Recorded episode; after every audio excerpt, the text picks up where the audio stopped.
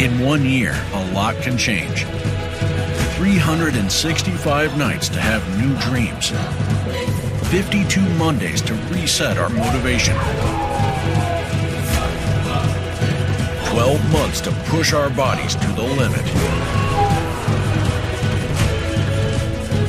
It will be a roller coaster of feelings.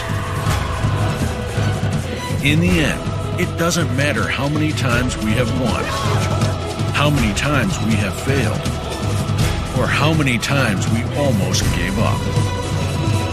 What does matter is that we never stop believing. In one year, get ready to watch the best in para sport. Paris 2024. I'm gonna be ready. I hope you will be too. Paris 2024. One year to go.